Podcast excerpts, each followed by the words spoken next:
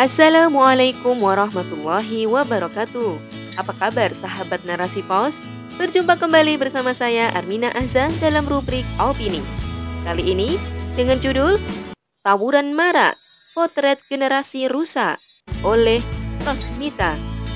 Simak selengkapnya dalam podcast Narasi Pos.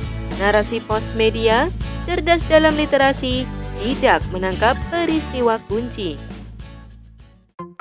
Pemuda adalah agen perubahan yang akan menentukan masa depan bangsa. Generasi cemerlang akan membentuk peradaban yang gemilang. Namun, bila generasi itu rusak, maka rusak pula peradaban manusia. Saat ini, para pemuda seolah kehilangan arah, tidak memiliki jati diri, dan mudah terbawa arus.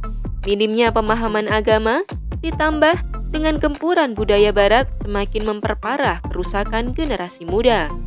Mulai dari tawuran, seks bebas, hingga narkoba semakin merajalela. Tawuran yang marak terjadi, pelakunya bukan hanya dari kalangan pelajar saja, bahkan para mahasiswa di perguruan tinggi ikut tawuran juga. Seperti yang terjadi di Makassar pada hari Minggu tanggal 28 November tahun 2021 Pertikaian antara mahasiswa dari Palopo atau Luwu dan Bone berujung pada pembakaran dan penganiayaan di asrama masing-masing. Akibatnya, seorang mahasiswa taruna pelayaran yang tidak bersalah dan sedang berada dalam asrama mengalami luka berat. Pergelangan tangan kirinya terputus terkena sabetan parang. Hal ini sebagaimana yang diberitakan dalam liputan6.com pada tanggal 29 November tahun 2021. Sebelumnya, tawuran juga terjadi antara dua kelompok pemuda di wilayah Kampung Rawa, Bandung.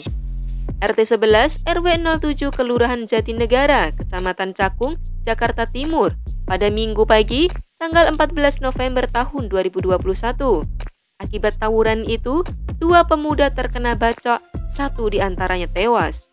Hal ini sebagaimana yang diberitakan dalam kompas.com pada tanggal 22 November tahun 2021. Miris, para pemuda yang memiliki semangat yang tinggi seharusnya sibuk mengukir prestasi, bukan malah menodai sejarah dengan aksi tawuran dan perilaku menyimpang lainnya. Bagaimana negara ini mau maju kalau generasinya rusak ahlaknya? Penyebab rusaknya generasi. Sistem kapitalisme adalah penyebab utama lahirnya generasi rusak. Ide dasar dari sistem kapitalisme adalah sekulerisme, yaitu pemahaman yang memisahkan agama dari kehidupan. Hal ini yang membebaskan generasi muda jauh dari nilai-nilai Islam. Ditambah dengan paham liberalisme yang juga terus disusupkan hingga meracuni pemikiran generasi. Negara dalam sistem kapitalisme tidak menjalankan perannya dalam membina ketakwaan generasi dan menjaga akidah umat. Sistem kapitalisme juga membentuk masyarakat yang individualis, sehingga hilanglah aktivitas amar ma'ruf nahi mungkar. Bahkan, keluarga sebagai benteng terakhir perlindungan generasi juga telah hancur.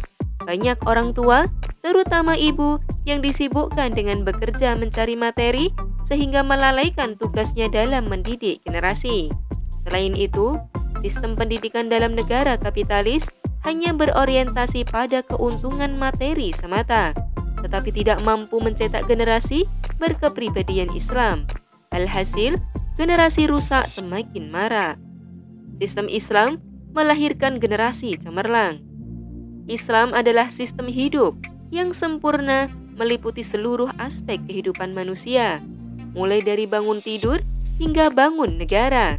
Sistem pendidikan dalam Islam telah berhasil melahirkan generasi khairu ummah yang tidak hanya mahir dalam ilmu dunia saja, tetapi juga fakih fiddin dan berakhlak mulia. Dalam sistem Islam, negara harus memastikan setiap individu terikat dengan hukum syara dengan melakukan pembinaan dan memberikan sanksi bagi yang melanggar hukum syara. Hal ini bertujuan menimbulkan efek jera bagi pelaku agar tidak mengulanginya dan bagi yang lain agar tidak melakukan hal yang sama. Masyarakat dalam sistem Islam memiliki kesadaran yang tinggi untuk melakukan amar ma'ruf nahi mungkar.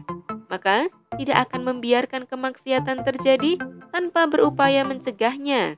Keluarga juga memiliki peran penting dalam mendidik generasi, terutama seorang ibu yang bertugas sebagai madrasatul ula bagi anak-anaknya. Bila semua elemen menjalankan perannya masing-masing, maka generasi yang cemerlang akan terwujud. Terbukti, selama lebih dari 13 abad lamanya, Islam memimpin dunia.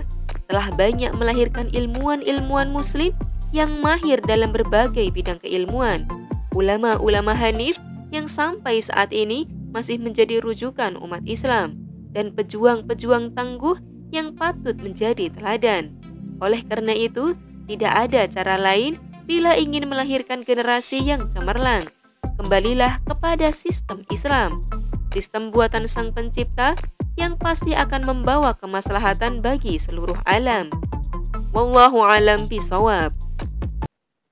Sekian dulu perjumpaan kita. Nantikan dalam opini-opini lainnya.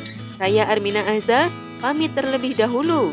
Bunga Mawar, Bunga Melati. Semoga khilafah Islamiyah segera tegak kembali. Barakallahu fikum. Wassalamualaikum warahmatullahi wabarakatuh.